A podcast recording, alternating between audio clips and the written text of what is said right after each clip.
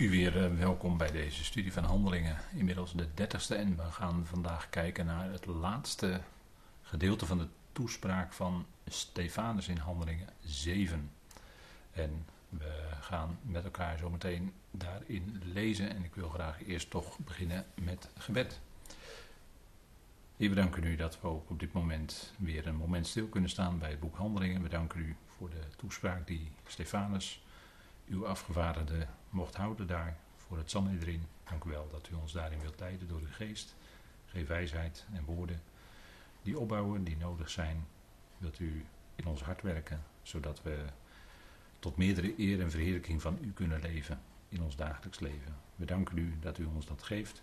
We danken u dat we door u geroepenen zijn en dat niets ons kan scheiden van die geweldige liefde van u. We danken u daarvoor in de naam van uw geliefde Zoon, onze Heer Christus Jezus. Amen. Goed, we kijken naar de studie zoals we die voor hebben liggen. En inmiddels zijn we aangeland in vers 48, waarin, zoals u weet, Stefanus bezig is in een betoog met betrekking tot de tempel, Salomo. Zijn naam betekent grote vrede, hebben we de vorige keer gezien. En we hebben gezien dat hij de tempel mocht bouwen. David mocht dat niet, om redenen. En Salomo deed dat. En hier zegt Stefanus tegenover het Sanhedrin dat zij, dat zij zich bewust zijn dat, of zouden zijn dat de hoogste, zegt hij in vers 48, maar de hoogste woont niet in wat met handen gemaakt is, zoals de profeet zegt. Hij verwijst hier naar onder andere Jezaja 66, maar ook andere teksten. En dit gedeelte zou je kunnen vergelijken met een eerdere gedeelte uit de toespraak van Stefanus. Dat hij het had over Mozes, die de Heer ontmoette bij de brandende braambos. En daar moest hij zijn sandalen van zijn voeten doen, want het was heilige grond. Het was een, in feite een heiligdom zonder dat er een gebouw was of een tent. Toch was er daar een heilige plaats. En dat gaat, daarin, daarop gaat uh, Stefanus nu verder met te zeggen, maar de hoogste woont niet in wat met handen gemaakt is, zoals de profeet zegt. En natuurlijk, Israël moest in opdracht van Yahweh een tabernakel opzetten. Natuurlijk, Israël zou later via Salomo dan ook de tempel bouwen. En toch was Salomo zich dat ook met de inwijding van de tempel die bewust.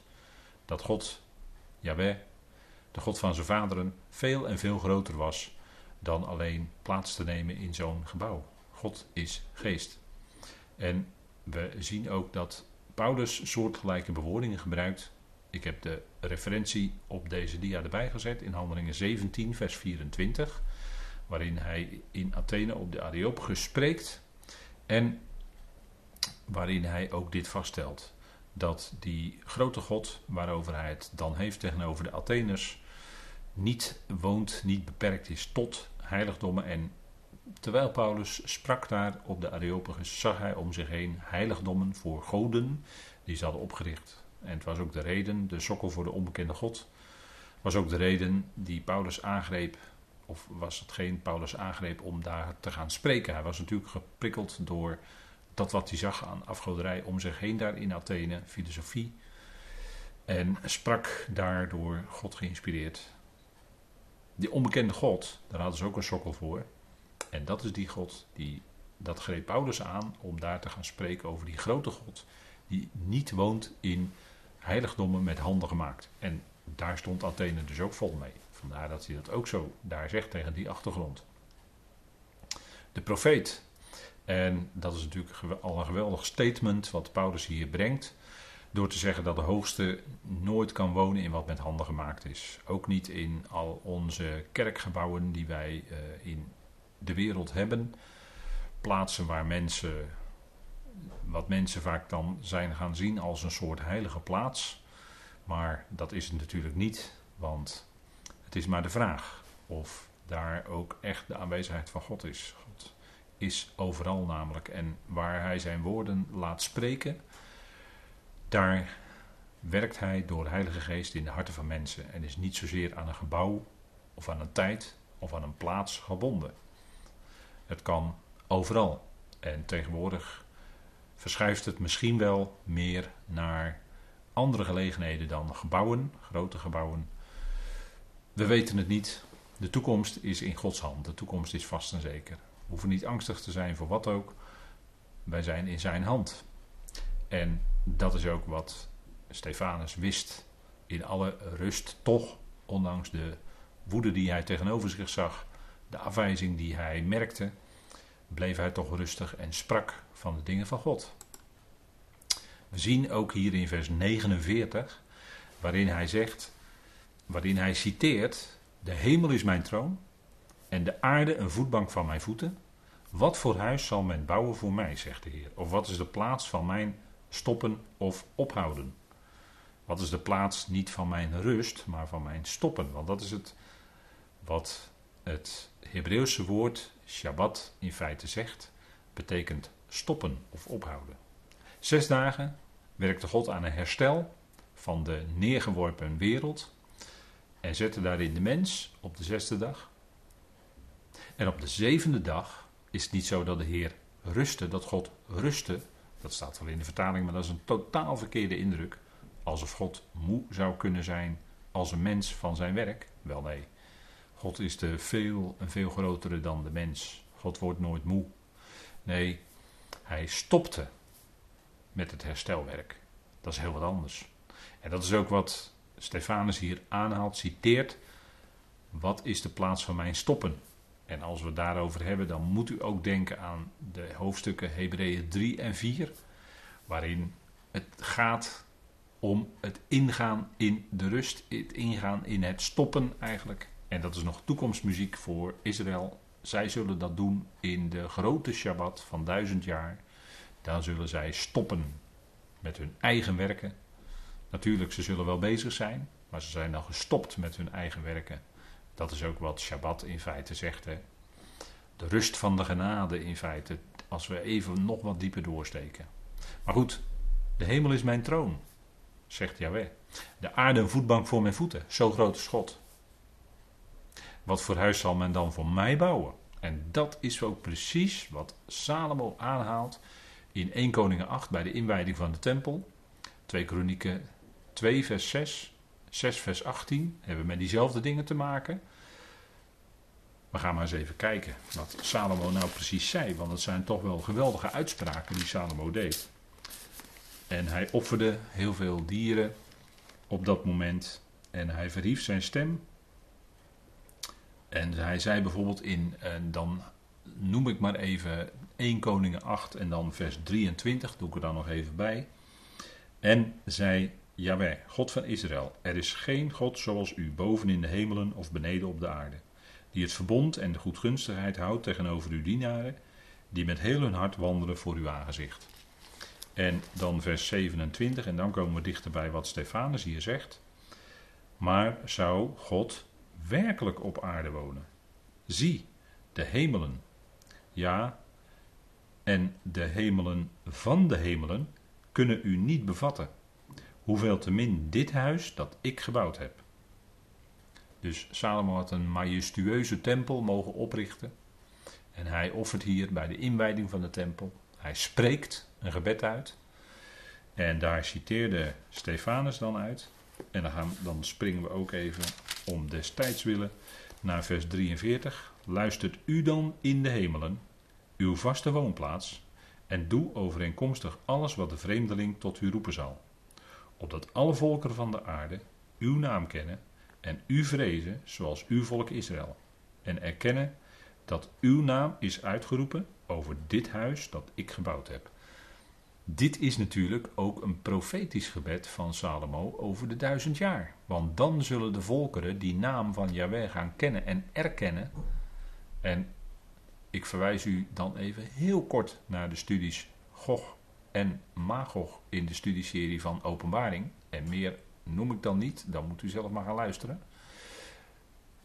In die duizend jaren zullen de volkeren weten, en die krijgen dan ook een grote les aan het begin van de duizend jaar, zullen de volkeren weten dat Yahweh de God van Israël is. Dat hij zijn naam heeft verbonden aan Israël. Zijn naam zal worden geheiligd in en door Israël.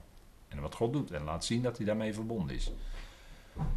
En Salomo zegt hier dat ook. Salomo is natuurlijk een geweldig type van de regering van onze Heer in de duizend jaren.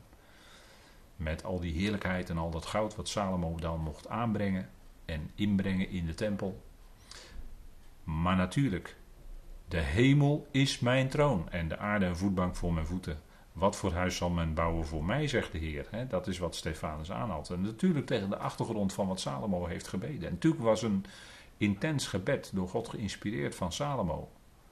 En natuurlijk, dit is ook wat de profeet zei.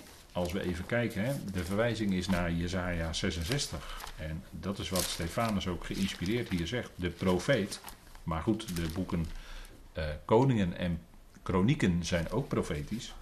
Dus wat dat betreft uh, zijn we dan ook weer dicht bij huis. Maar hier gaat het dan om Jezaja 66. En er staat, zo zegt Jaweh, de hemelen zijn mijn troon en de aarde een voetbank voor mijn voeten. Waar zou het huis zijn dat u voor mij zou willen bouwen? Waar de plaats van mijn rust, zegt mijn vertaling hier. Maar het is eigenlijk de plaats van mijn stoppen. Want het gaat niet om een rustplaats voor God. Het gaat om een plaats waar hij zijn naam vestigt en waarin Shabbat is. Waarin gestopt is met eigen werken. Nou, en we vinden een soortgelijk woord ook in Jeremia 23, vers 24. En dat geef ik u dan mee om zelf op te zoeken. We gaan verder. Want dit is eigenlijk een retorische vraag. Een mens kan helemaal niet een huis bouwen waarin God dan zou kunnen wonen, want dat is allemaal veel te klein. De, er staat ook dat de zomen van zijn kleed, ook figuurlijk gesproken, vullen de tempel. Alleen de zomen, dat zijn maar hele kleine deeltjes van een, van een kleed of van een mantel. Die vullen de tempel al. Men, men kon ook niet, eh, toen de tempel werd ingewijd, was de heerlijkheid die binnenkwam zo groot dat de priesters en de moesten eruit. Omdat de heerlijkheid te groot was. En is dat niet, als we dat zo met elkaar vaststellen, is dat ook niet zo wat voor veel mensen bij het evangelie van de apostel Paulus zo is? De heerlijkheid die daarin naar voren komt, die is zo groot. En dan gaat het voor ons nog om de geestelijke heerlijkheid. Die is zo groot dat mensen dat niet kunnen verdragen. Uh, Saulus was uh, blind en het was ook typerend voor toen hij de Heer ontmoet op weg naar Damascus. Was ook typerend voor het enorme licht wat hem omstraalde. Was ook typerend voor uh, dat licht wat hem omstraalde, was typerend bedoel ik te zeggen, voor de enorme heerlijkheid die zijn evangelie zou bevatten. Daar kon Saulus op dat moment nog niet aan. En daarom was hij eerst nog blind. Als, ook als type natuurlijk van de verblinding van Israël, natuurlijk het licht, de heerlijkheid was te groot. En zo was het ook bij de inwijding van de tempel. De heerlijkheid was te groot. En mensen kunnen dat niet verdragen, tenzij ze door God zo aangepast worden dat ze die heerlijkheid wel kunnen verdragen. En dan gaandeweg gaan zien hoe groot het is. En dan vers 50. Een kort vers. Doet zeker niet mijn hand al deze dingen? De Heer zorgde zelf voor een woonplaats. Want als we het hebben over de hand, de scheppende hand van Yahweh. En wat is dan zijn woonplaats? Nou, Paulus die stelt, en misschien komen we daar nog op, maar dat, dat duurt nog wel even voordat we in Handelingen 17 zijn. Maar daar zegt Paulus geweldige dingen over God. Want daar zegt hij dat die hele schepping in feite de woonplaats van God is. God vervult door zijn geest, doordringt door zijn geest eigenlijk heel die schepping. De hele schepping is eigenlijk zijn tempel, om het zo maar te zeggen. En dan krijgen we een beetje besef van de grootheid van God. Wat zag de profeet? Ezekiel zag, ik heb de tekst hier voor u genoemd en u kunt dat nazoeken. Ezekiel zag dat de heerlijkheid van God de tempel verliet. De heerlijkheid, de Shechina, die in de tempel was gekomen toen Salomo die tempel mocht inwijden. Hij mocht hem bouwen, mocht hem ook inwijden. Sprak een enorm gebed uit. En het is heel goed om dat gebed van Salomo ook te lezen, te bestuderen. Om te kijken wat Salomo bidt. En dat kan ook een hint zijn. Daar zitten ook hints in voor wat je ook in je gebed kan meenemen. En natuurlijk, voor ons zijn de voorbeeldgebeden voor onze tijd de gebeden van de apostel Paulus in zijn brieven. Natuurlijk. Maar al het gebed wat in de schrift wordt gedaan, daar kun je iets uit leren voor je eigen gebed, voor je eigen gebedsleven. Ezekiel, de profeet van de heerlijkheid en van de geest. En zeg ik dan niet bijna hetzelfde? Natuurlijk, de heerlijkheid is een uitdrukking van de geest van God. Christus Jezus is een uitdrukking van de heerlijkheid van God. Als we Gods heerlijkheid willen zien, dan zien we dat in zijn aangezicht, zegt Paulus toch? De heerlijkheid van God verliet de tempel. En dat zag Ezekiel gebeuren. Maar Ezekiel is ook een profeet. En het is natuurlijk mismoedig om mismoedig van te worden. Ezekiel moest ook, net als andere profeten, het volk ernstig aanspreken op hun afgoderij. Maar Ezekiel is ook een profeet van de hoop, van de verwachting. Want lezen wij niet in de latere hoofdstukken. En dan bedoel ik, vers, dan bedoel ik de hoofdstukken 34 tot en met 48. Lezen we daar niet over de terugkeer van de geest naar het volk Israël. Dat zij wedergeboren zullen worden. Dat, dat Ezekiel tegen dat, tegen dat dal van tot doodsbeenderen moet spreken, moet profiteren. En dan komt er geest in. En dan komt, komt er tot leven de wedergeboorte van Israël. Waarvan we weten dat die vroeg in de derde dag, en daar zitten we dus dichtbij, zal plaatsvinden. De ware tempel, als we het hebben over de tempel, de ware tempel, de heerlijkheid, was eigenlijk de Heer zelf. Die, die wat enigmatische woorden uitsprak, die wat raadselachtige woorden eh, zei tegen zijn volksgenoten. Breek deze tempel af en ik zal hem in drie dagen doen herrijzen. En daarmee sprak hij van de tempel van zijn eigen lichaam. Want daarin was die geest van God volop aanwezig. Dat was die heerlijkheid die van binnen bij hem was. De geest van God, waardoor hij verwekt was bij Maria. Die geest van God, die hij, waarin hij zo direct kon communiceren met Vader. Die geest van God, die woonde in hem en daarom was zijn lichaam een tempel. En is het niet zo dat ook ons lichaam, dat zijn we ons toch ook bewust, dat ons lichaam in feite ook tempel is van Heilige Geest. Die geest woont in ons. Daarmee zijn we verzegeld. Die woont in ons, die blijft dus in ons wonen. Die gaat niet meer weg. Ons lichaam is ook een tempel. En dat is ook een stukje heerlijkheid wat dan nu al in ons kan zijn. En ja, bij de Heer was het natuurlijk in volheid aanwezig. We hebben zijn heerlijkheid gezien, zegt Johannes toch? Genade op genade. De wet werd, is door Mozes geworden. De genade en de waarheid. De wet is door Mozes gekomen, staat er ook. En de genade en de waarheid zijn door Jezus Christus geworden. Dat was dus Johannes die getuigde van die zo heel veel meer dimensie, van, die zo, van het zoveel meer liefde wat bleek in het optreden en de woorden van de Heer Jezus. Het huis verlaten, dat is wat Ezekiel zag gebeuren. Daar is waar, wat ook de Heer zei en wat ook een aanduiding was van de afwijzing door het volk van het evangelie van het koninkrijk. Afwijzing door het volk en met name de leiders van het volk van de Heer zelf, van de koning. Uw huis worden u woest gelaten, zei de Heer in Matthäus 23, vers 38. En zo was het ook. Verlatenheid, woestheid, leegheid. En met natuurlijk de belofte van de profeten dat het later toch weer goed zou komen. Maar op dat moment had de Heer die woorden gesproken en Stefanus stond hier tegenover dat Sanhedrin, waarvan heel wat leden waarschijnlijk ook meegemaakt hadden hoe de Heer Jezus zelf door hen werd eh, op grond van vermeende lastering, met valse getuigen. Hoe de Heer werd veroordeeld aan het kruis. En ook Stefanus stond tegenover dat Sanhedrin, wat hem had afgewezen. En Stefanus maakte ook dat zelf mee. Maar toch zegt hij, doet zeker niet mijn hand al deze dingen, vers 50. Mijn hand, de hand van God, maakte een geweldige tempel van in feite de hele schepping. Maakte een geweldige tempel van de Heer zelf. De Heer Jezus was zelf een tempel. Hè. Breek deze tempel af en in drie dagen zal ik hem doen herrijzen. En hij is herrezen. Hij is opgewekt uit de doden door de heerlijkheid van de Vader. Ja, dat zijn natuurlijk geweldige dingen. En dat is zijn hand. Hè? Doet zeker niet mijn hand al deze dingen. De mensenhand schiet kort, is beperkt. Maar de hand van God, ja, dat is iets geweldigs. Nou, vers 51.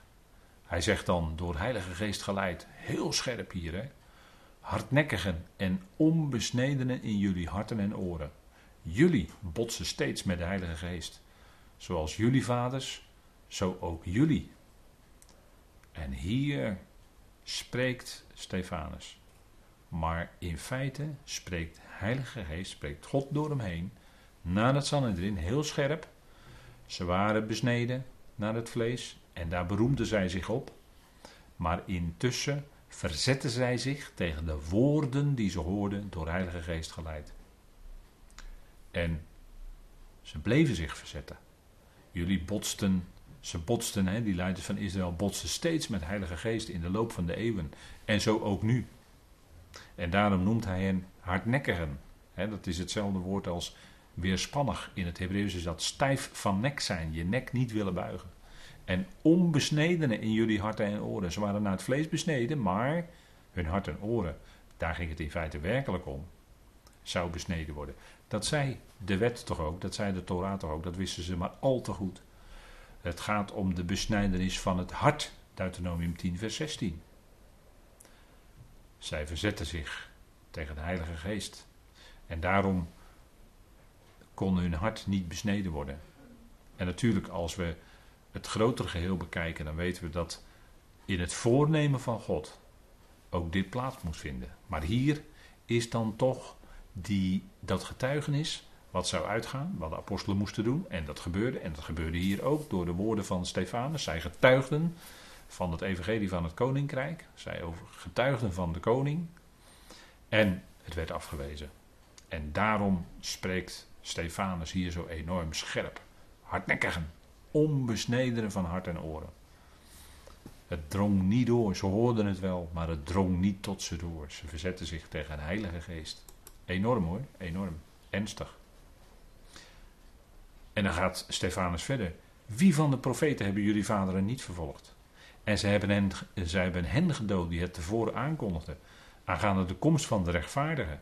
Van wie jullie nu verraders en moordenaars zijn geworden.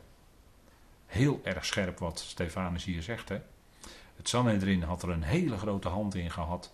Dat de rechtvaardige, degene die dus totaal het niet verdiende om als een onrechtvaardige veroordeeld te worden aan het kruis. Want hij is de rechtvaardige. En dat stelde die Romeinse hoofdman ook vast hè, bij de kruisiging. Zeker, dit was een rechtvaardige, stelde hij vast. En natuurlijk, uh, ja, binnen de tradities van het Jodendom kennen we de, de zogenaamde tzaddik. Hè? En uh, er gaat een, ja, ik, ik, ik vind dat toch een beetje een legendarisch verhaal. Wat dan steeds rondgaat, dat er binnen het Jodendom altijd 36 rechtvaardigen zijn. Nou, voor wat het waard is, ik zeg het maar, ik geef het maar even aan. Dat is weer een van zo'n. Een van die vele verhalen die binnen het Jodendom rondgaan.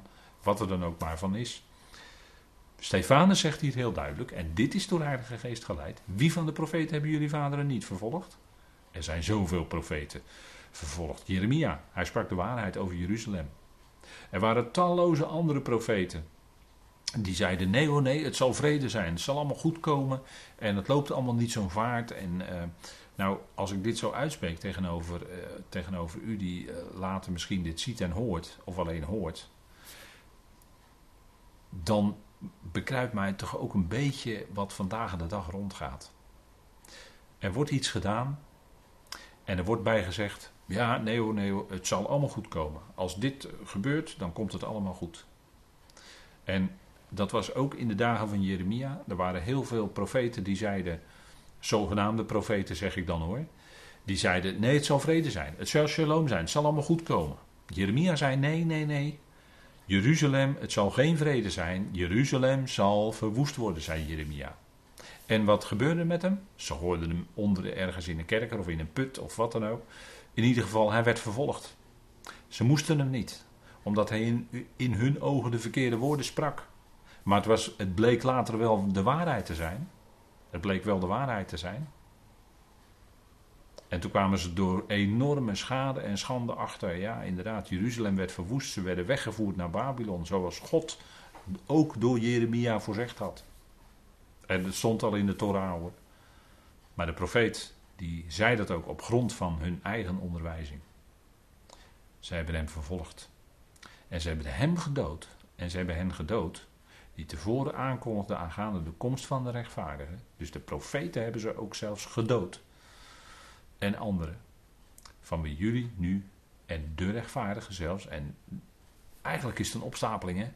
Ze hadden de profeten gedood, maar nu kwam de rechtvaardige waar de profeten van getuigden. En, op, en om reden van dat getuigenis werden ze ook gedood. Maar nu kwam de rechtvaardige zelf. En ook die. Daarvan zegt Stefanus, van wie jullie nu verraders en moordenaars zijn geworden.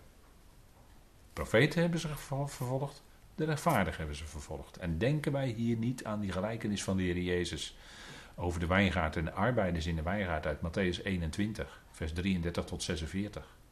Dat hij er allerlei knechten op uitstuurde, die heer van die wijngaard. En uiteindelijk kwam ook de zoon zelf, de erfgenaam dus. En toen zeiden ze tegen elkaar: laten we die doden, want dat is de erfgenaam. Met andere woorden, dan hebben wij de erfenis, blijft in ons bezit.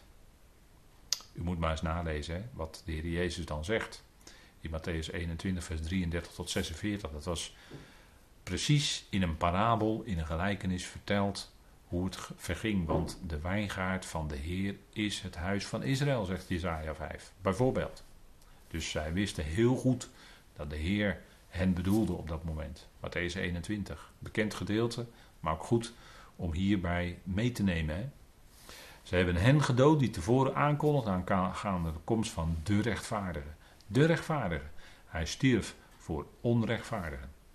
Opdat al die onrechtvaardigen daardoor gerechtvaardigd zouden worden. Rechtvaardig verklaard zouden worden. God heeft allen ingezet als zondaren om hen later te kunnen inzetten als rechtvaardigen. En daarvoor moest zijn eigen zoon komen die rechtvaardig was en leed en stierf tezamen met onrechtvaardige rovers en misdadigers. Wat een plan van God, hè? Toch wel heel, heel iets bijzonders, denk ik. Jullie, vers 53, die de wet ontvangen hebben in verordeningen van boodschappers en die niet bewaken, of bewaren, dat mag je ook vertalen. Bewaren, bewaken. Notabene hadden de Torah. Wat is het voordeel van de Jood en wat is het nut van de besnijdenis? Zegt Paulus in Romeinen 3. Allereerst wel dit, dat aan hen de woorden van God zijn toevertrouwd. Ze hebben de wet ontvangen in verordeningen van boodschappers. Mozes ontving de Torah door bemiddeling van boodschappers. Stefanus prikt hier gewoon dwars door die buitenkant van hen heen. Hè. Zij die het beste waren of meenden het beste te zijn in de wetsbetrachting en de meeste gedetailleerde wetsbetrachting uh, nastreefden. Althans, uh, dat zeiden ze, dat ze dat nastreefden. Maar zij bleken zelf, hè, zij die het beste waren, bleken zelf de wet niet te bewaren of te doen. Precies hetzelfde wat de Heer Jezus ook vaststelde. In Matthäus 23, wat we er net al hebben uh, aangehaald. Hè. Daar spreekt hij zo'n reden uit met striemende woorden over die fariseeën en schriftgeleerden. Wee jullie, wee jullie, enzovoort. U kent dat wel, hè? Waarin de Heer heel sterk en heel scherp vaststelt dat het gedrag, ja, dat leek totaal niet op wat in de Torah stond. Terwijl ze dat wel de mond over vol hadden, maar in werkelijkheid was hun gedrag er niet naar. Dat zegt Stefanus hier ook, hè? en die niet te bewaken. En dat moeten natuurlijk deze woorden, en die vorige vers ook, moet natuurlijk dat Sanhedrin in, in het hart getroffen hebben, geprikt hebben. En dat is ook precies wat vers 54 dan zegt. Deze dingen nu horend, werden zij diep getroffen in hun harten en zij knesten de tanden tegen hem.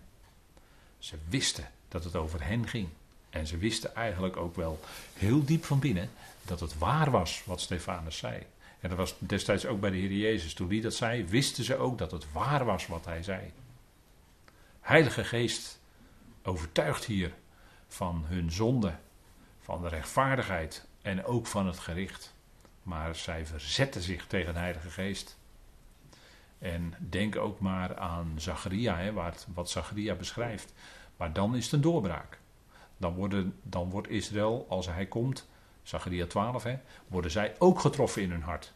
Maar dan zullen ze werkelijk rouw klagen, want dan zal het leiden tot verootmoediging en tot inkeer Tot, hè, maar dan zal, is de Heer daar ook. Hè. Dan, dan moest hij ook komen, want hij, ze moesten verlokt worden. Nou, vergelijk Zacharia wat die zegt. Die zegt ook dat zij dan, Israël zal dan, en met name de leiders, die zullen dan in hun hart getroffen worden. Want dan is de Messias er. En dan zullen ze rouwklagen, zal een grote rouwklacht zijn, want dan zullen ze zien wie ze doorstoken hebben. En dan zal het ook leiden tot een ommekeer, hè, tot een werkelijke inkeer van Israël. Het zijn, is nog geweldige toekomst, maar hier, hier is juist dat andere aan de hand, hè, die afwijzing, die vijandschap, het verzet tegen God, tegen de Heilige Geest. Vers 55. Nu vol van geloven van Heilige Geest, keek hij strak naar de hemel en zag de heerlijkheid van God en Jezus staande aan de rechterhand van God. Stefanus zag iets bijzonders, hij zag de Heer. De, hemel, de hemelen werden voor hem geopend. En wie zag hij daar? Hij zag de heerlijkheid van God. En dat kon niet anders dan ziet hij Christus. Want dat is het beeld van God. Hè? Christus is het beeld van de onzichtbare God. En de Hebreeën schrijver zegt ook de afstraling van Gods heerlijkheid. Dat is Christus. Hè? En Stefanus, die zijn toespraak ook begon met Gods heerlijkheid. Dat de God van de heerlijkheid verscheen aan hun vader Abraham. Nu aan het eind van zijn toespraak spreekt Stefanus opnieuw over die heerlijkheid van God. Of toch ook wel weer opmerkelijk, hè? Maar hier is hij ook vol van geloof. En dus vol van de Heilige Geest. Want de Geest is het die in een mens het geloof bewerkt. En hij keek strak naar de hemel op. En hij zag die heerlijkheid van God. Hij voelde de afwijzing van het Sanhedrin. En hij zag de heerlijkheid van God. God gaf hem op dat moment een enorm gezicht, een enorme heerlijkheid te zien. Jezus, staande aan de rechterhand van God. Hè? Niet zittend, maar staande alsof hij ieder ogenblik kon terugkeren en zijn voeten kon zetten op de olijfberg. En in later tijd is het een ander beeld. Hij zag de heerlijkheid van God. En zien wij niet ook de heerlijkheid, ja, wij zien de heerlijkheid van God, zegt Paulus 2 Korinthe 4, in het aangezicht van Christus. En dat is wat Stefanus hier al zag. En wij zien dat in de geest, hè, door het evangelie ontwaren wij, ontdekken wij, zien wij hoe groot die heerlijkheid van God is als we kijken naar die heerlijkheid van Christus. Christus is de uitdrukking van Gods heerlijkheid. Gods heerlijkheid werd zichtbaar toen hij werd opgewekt uit de doden. Gods heerlijkheid is ook nu door Hem heen, door Christus heen, straalt dat af in ons hart. En straalt dat als, het, als God het geeft ook uit via ons naar die ander toe. Iets van die heerlijkheid van God. Geen letterlijk licht, maar wel figuurlijk gesproken licht. Jullie nu zijn licht in de Heer, zegt Paulus tegen ons als gelovigen. Efeze 5, hè? Jullie zijn licht in de Heer. En licht is natuurlijk Iets dat direct te maken heeft met heerlijkheid, met uitstraling, met, met ja, wat, wat, wat Saulus ook zag op weg naar Damascus. Hij zag de heerlijkheid van God. Hij zag het licht. Hij zag licht. En dat verblindde hem letterlijk. Hij zag letterlijk licht en dat verblindde hem letterlijk. Maar dat is natuurlijk een uitdrukking van die geweldige geestelijke dingen die hij later mocht gaan bekendmaken. Hij zag Jezus staande aan de rechterhand van God. Wat een enorm iets heeft Stefanus gezien. Wat enorme dingen, geestelijke dingen. En hij zegt dat ook, vers 56. Zie, ik aanschouw de hemelen geopend. En de zoon van de mens, de zoon des mensen, de zoon van Adam, de zoon van Adam met een hoofdletter, staande aan de rechterhand van God. Staan, dat wil zeggen, wat ik net al even aangaf, hij staat op het punt om te komen en zijn koninkrijk op te richten. En dat was ook in die dagen zo. Menselijkerwijs gesproken had het toch gekund dat het Sanhedrin ineens hier tot inkeer was gekomen. En dan had de Heer gekomen om zijn koninkrijk op te richten. Zoals openbaring 1 vers 7 het ook zegt. Hè, Zie, hij komt op de wolken. Hè, dat is de belofte aan Israël. Zie, hij komt aan op de wolken. En zal zijn koninkrijk gaan oprichten. Stond ook in Matthäus 24, had de Heer het zelf al gezegd. Hè. Maar nu kennen wij hem als zittend aan de rechterhand van God. Efeze 2 spreekt daarover, andere schriftplaatsen. Hij zit nu aan Gods rechterhand. Dat wil zeggen, het is nog tijd van genade. Het is nog tijd van de rust van de genade. heerlijkheid. Hij zit nog steeds aan Gods rechterhand. En natuurlijk is hij niet passief, maar hij is actief bezig. Hij komt voor ons op. Hij bidt en pleit voor ons als gemeenteleden. En hij heiligt en reinigt de gemeente. Natuurlijk met zijn uitspraken. Maar hij zit nu aan Gods rechterhand. Dus dat is iets anders, hè? En Stefanus zegt hier: Zie ik aanschouw de hemel geopend. En dit is een gezicht, een, een, een uitzicht wat aan Stefanus op dat moment vergund werd door Heilige Geest.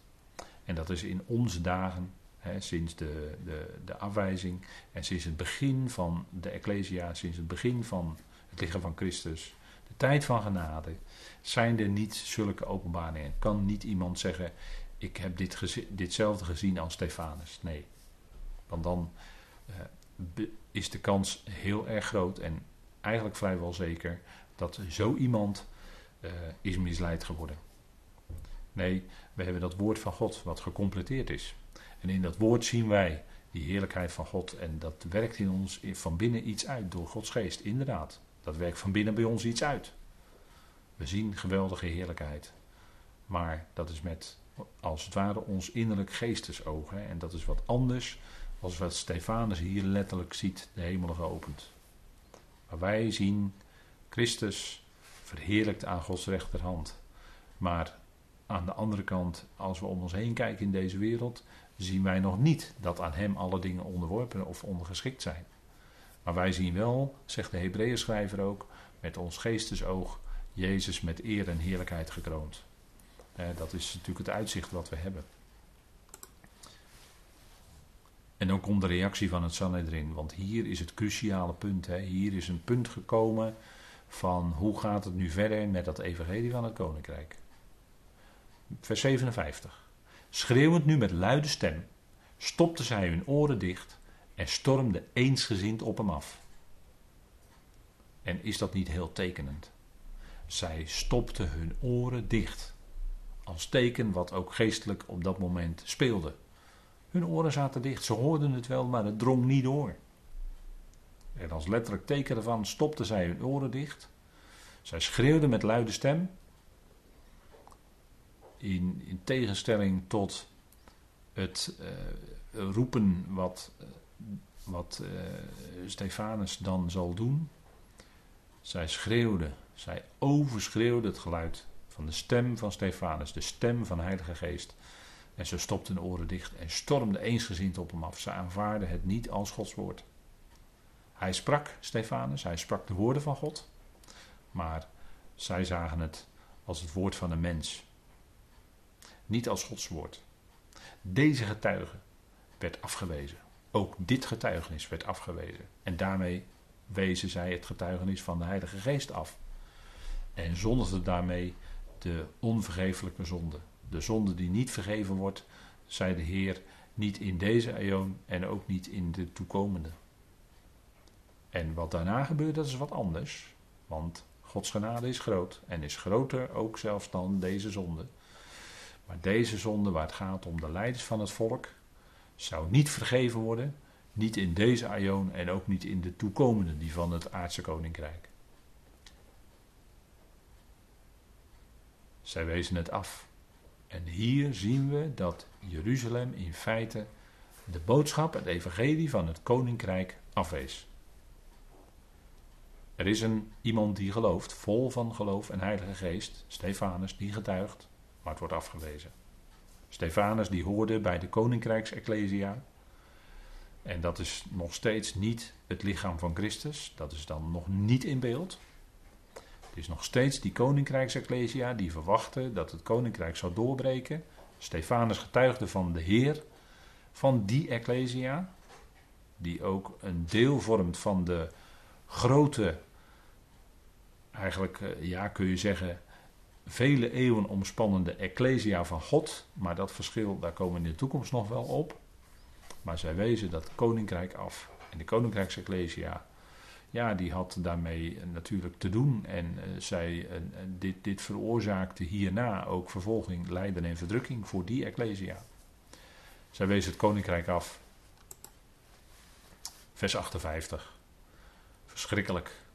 Het einde van Stefanus was steniging en hem uitwerpen buiten de stad. Dus het gaat hier dus om Jeruzalem.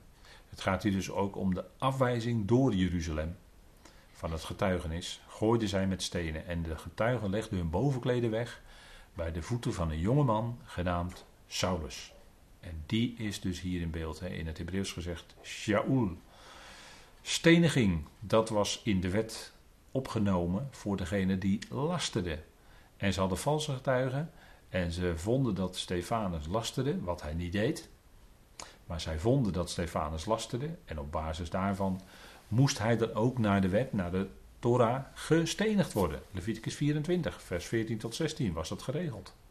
En is het niet dat we hier zien, wat Paulus later in de Tweede Korinthebrief schrijft, dat de letter van de wet, hè, de, dat oude verbond, dat het een bediening was van de dood? Steniging. De doodstraf stond op heel wat vergrijpen. Zelfs de man die hout sprokkelde, numeri hè. Zelfs de man die hout sprokkelde op de Shabbat, die was in feite ter dood veroordeeld. Want hij werkte dingen, hij deed dingen op een Shabbat die niet mocht. En hier steniging voor lastering. De bediening van de dood. En die getuigen, dat zo was het ook zelfs in de wet geregeld, Deuteronomium 17, ik heb de tekst hier genoemd. Die getuigen moesten als eersten, omdat zij de getuigen waren van de lastering, moesten als eerste die stenen gooien. En daarna konden anderen daaraan meedoen. En we zien hoe Saulus hier was. Hè? Bovenkleden gaven ze aan Saulus in bewaring. Saulus, die zo'n felle wettische vervolger was. De naam Saulus, willen we even iets van zeggen, maar later komt dat natuurlijk ook nog wel een keer aan de orde. De naam Saulus vanuit het Hebreeuws betekent gevraagd. Hè? Shaul betekent uh, en lijkt veel op het Hebreeuwse Sheul. En het komt eigenlijk van een woord dat vragen betekent. En verwijst naar koning Saul die door het volk gevraagd was. Shaul, dat begint ook in het Hebreeuws met, met de letter shin. En dat betekent tand. Dus hier zien we het venijnige, het vijandige, de tand, het snijdende. De voort, hè, dat wijst op de voortanden, het, die, die wat snijtanden zijn. Shaul, zijn naam begint met de letter Shin.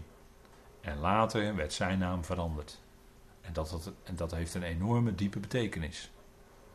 Maar de verwerping is hier door Jeruzalem. Zij stenigde de grote getuige Stefanus, werd ook ter dood gebracht. Na die andere, zeer grote, allergrootste getuige, de Heer Jezus Christus zelf, die getuigde van de waarheid. En die werd ook gedood, notabene door het kruis. En hier door steniging. Wat een enorm duidelijk aangeven van verwerping. En dat moet een diepe indruk bij Saulus hebben achtergelaten. Vers 59. En zij gooiden met stenen naar Stefanus, die aanriep en zei: Heer Jezus, ontvang mijn geest. Hij verzette zich niet. Hij ging niet zijn, het Sanhedrin letterlijk te lijf. Nee, hij boog zijn hoofd en hij zei: Heer Jezus, ontvang mijn geest. Hij wist dat dit het laatste zou zijn. Als getuige sterven voor de Heer Jezus Christus. Ja, dat is wat uh, vervolging kan doen. Hè. Het kan zelfs letterlijk de dood betekenen.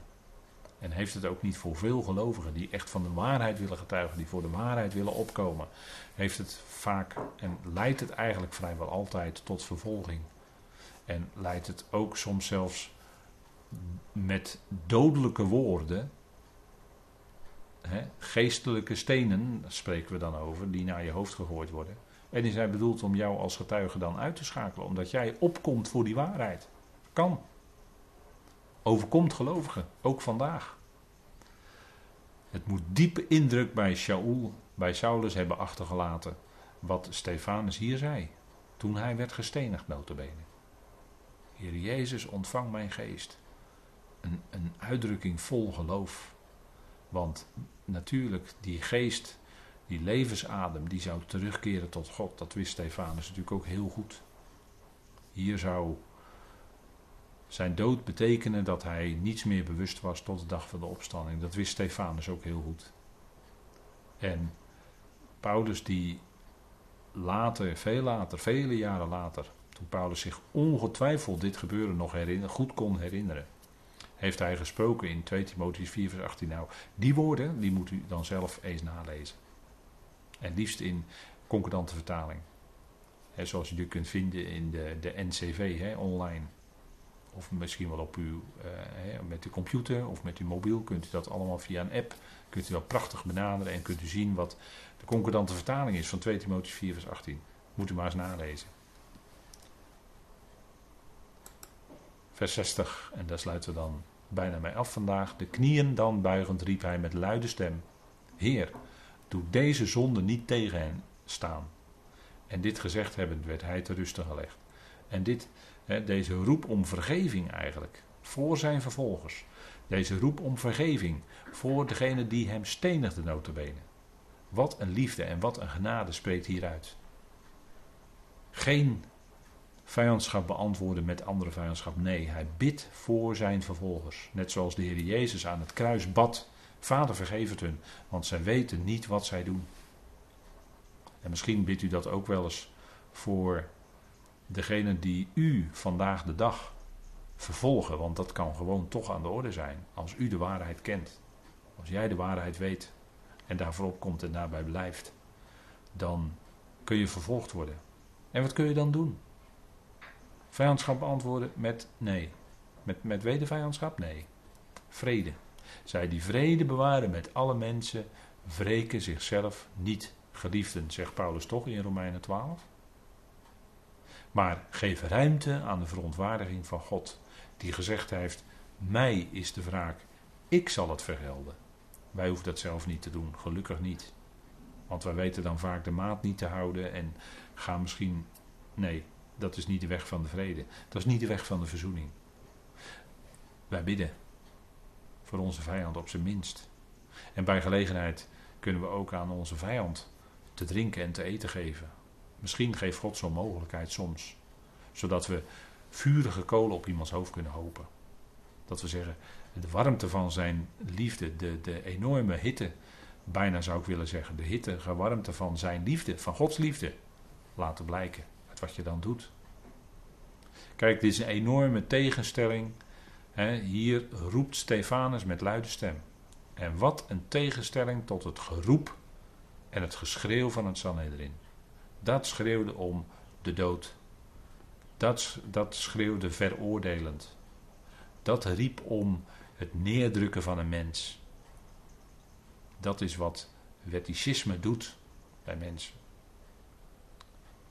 Stefanus is vol van de geest van Christus.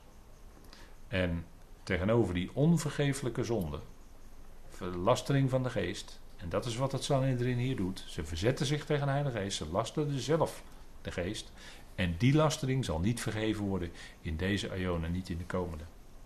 Maar hier tegenover zien we die genade die klinkt door die woorden van Stefanus. Die genade die in heel zijn wezen zo hier zichtbaar wordt terwijl die notabene gestenigd wordt. Ontroerend, indringend en aansprekend wat hier gebeurt voor ons. En denk ook aan die gelijkenis van de ponden in Lucas 19, waarin staat, hè, die, wat de Heer Jezus ook uitspreekt, dat die woorden die, en die, en die, ja, die woorden die de Heer Jezus dan in de mond legt van, in die gelijkenis, die woorden, die klinken hierdoor.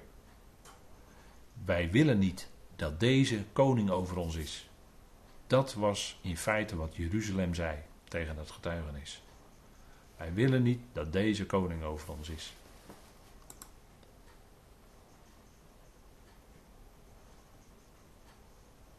En nog even iets verder dan over Handelingen 7, vers 60. Hè? Eh, ook deze dia gaat erover. Wij willen niet dat deze koning over ons is. Hè? Dat werd gezegd in die vergelijking, in die gelijkenis. De vraag was, helemaal in het begin van handelingen, daar zijn we ooit mee begonnen. Dat de discipelen aan de Heer Jezus vragen: Zult u in deze era het koninkrijk over Israël herstellen? En wat is dan het antwoord van Jeruzalem? Nee. Want ze zouden getuigen zijn in Jeruzalem, Judea, Samaria en tot het uiterste van het land. Nou, deel 1 was Jeruzalem. En we, we zien hier dus de totale afwijzing van het eerste deel van het getuigenis. Jeruzalem zegt nee, wij willen niet dat deze koning over ons is. Ontzettend, zo'n afwijzing. En toch, God is liefde. Hij blijft ook dat weerspannige volk liefhebben. Ook in deze dagen, zegt Paulus, heeft hij zijn handen uitgestrekt naar een tegensprekend en een hardnekkig volk. Toch hè, blijft God liefhebben. Nou, en we gaan vanaf Handelingen 7 kijken naar het tweede stuk getuigenis. Het getuigenis wat wordt afgegeven door de apostelen en discipelen en de koninkrijksecclesia in Judea en Samaria. En als derde zullen we ook zien dat het getuigenis zal uitgaan naar het uiterste van het land. Maar dan zitten we al in handelingen 10 en 11 en verder. Nou, we zullen dat gaan zien. En hier zien we dus het antwoord van Jeruzalem. Ontzettend hè.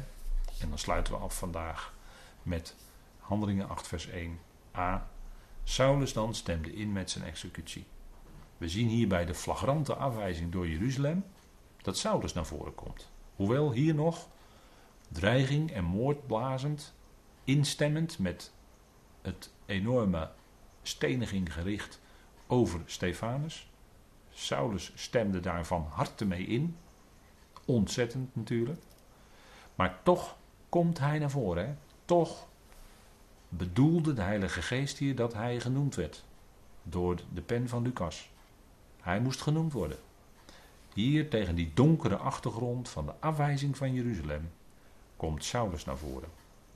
Met alles wat daarna natuurlijk zou komen. het is de donkere, de enorme afwijzing van het Sanhedrin, van de leiders van het volk van Israël, van Jeruzalem in feite, vormt de donkere achtergrond voor de genade van God, die later zou gaan doorbreken. Dat mogen wij achteraf constateren. Goed, tot zover dit moment van handelingen en we willen graag met elkaar afsluiten met een dankgebed. Zullen we dat doen? Vader, we danken u dat we met elkaar weer een moment stil konden staan bij het boek Handelingen, de toespraak van Stefanus, die zo tragisch afliep met zijn steniging, met zijn dood. Maar dank u wel, Vader, dat u doorging en dat Saulus er al bij stond, waarvan we weten dat hij later geroepen werd. Dank u voor de houding die Stefanus aannam. Vader, zo'n plaatje ook voor onze houding. Als we vervolgd worden en verdrukt worden. Is het niet om onze vervolgers, vervolgens met vijandschap te bejegenen. Maar hen lief te hebben. En die vrede te bewaren. En vader, dank u wel dat aan u op het juiste moment het gericht zal zijn. Aan u, vader, zal op het juiste momenten met de juiste maat, de juiste tijdspannen, ook de verontwaardiging zijn. Vader, en we zitten aan het einde van deze boze.